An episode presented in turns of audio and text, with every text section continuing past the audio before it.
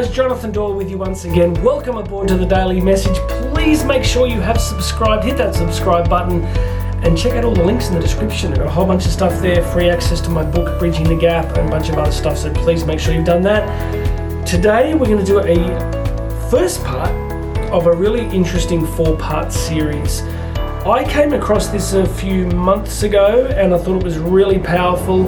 I'm going to share with you a four step process around goals. So, the next four episodes today, and then the next three days after this, we're going to look at the WOOP, W O O P goal setting system.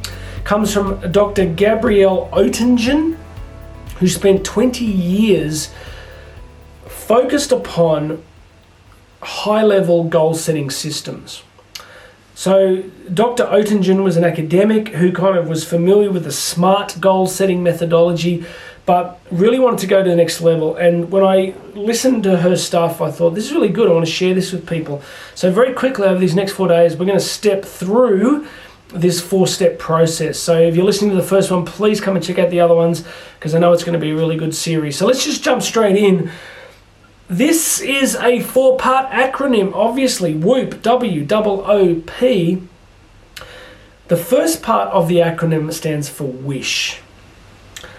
If you want to create a big outcome in your life, if there's something you're really working towards, the first step is to really clearly identify the wish, the desire. This is the easiest part. We're all pretty good at this. If most people can usually identify something in their life that is missing, that is absent, that they would really love to have. And so it's pretty clear, straightforward for them to go ahead and articulate it. So the first thing I want to say to you at the moment as you're listening is what do you want? What is significant for you in your moment, in this moment in life, that is not present in your life? A relationship, a health outcome, a financial outcome, property, whatever it is for you, what's the wish?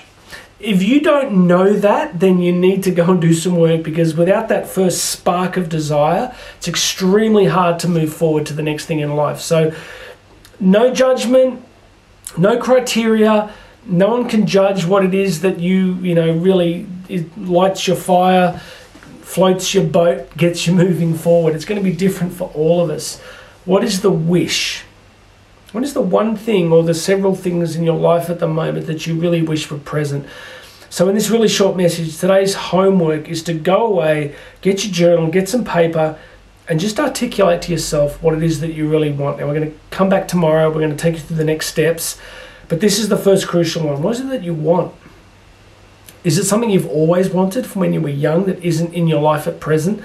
Is it something that you want for yourself and your family? Is it something that's just always been there and you really want to bring this thing into reality? We're going to step you through the rest of the process, but that's all I want to do today. Really simple. What's your wish? What do you want? What's the one thing that if you could wave a magic wand, I'll give you two or three. If there's two or three things that you just go, yep, I'd love that. That would be awesome. If you could wave a magical wand and have like three wishes, like the genie from the lamp just magically appears and just grants whatever it is you want three times, what are those three things that you would really love to have happen? Within reason, right? So you don't get immortality, right? Even we can't do that on this channel.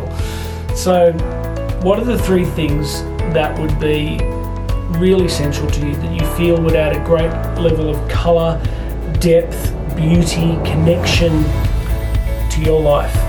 Okay? What's the wish? or the wishes?